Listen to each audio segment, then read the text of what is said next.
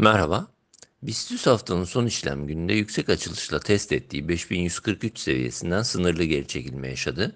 Kapanış 5115 seviyesine gerçekleşti. BIST'te yükseliş eğilimi hafta genelinde gücünü korumayı başardı. 4884 seviyesi üzerinde yeni yatay kanal bölgesi hareketinin geçerli olduğunu, üzerindeki kapanışa bağlı olarak yatay kanal üst sınırı olan 5490-5661 bandının da gündemde olduğunu ineliyoruz. Endekste saatlik ve günlük grafikler açısından ortalamalar üzerindeki hareket geçerli durumda. Dolayısıyla olumlu teknik görünüm belirtmeye devam ediyoruz. 5233 ara direnç olarak dikkate alınabilir.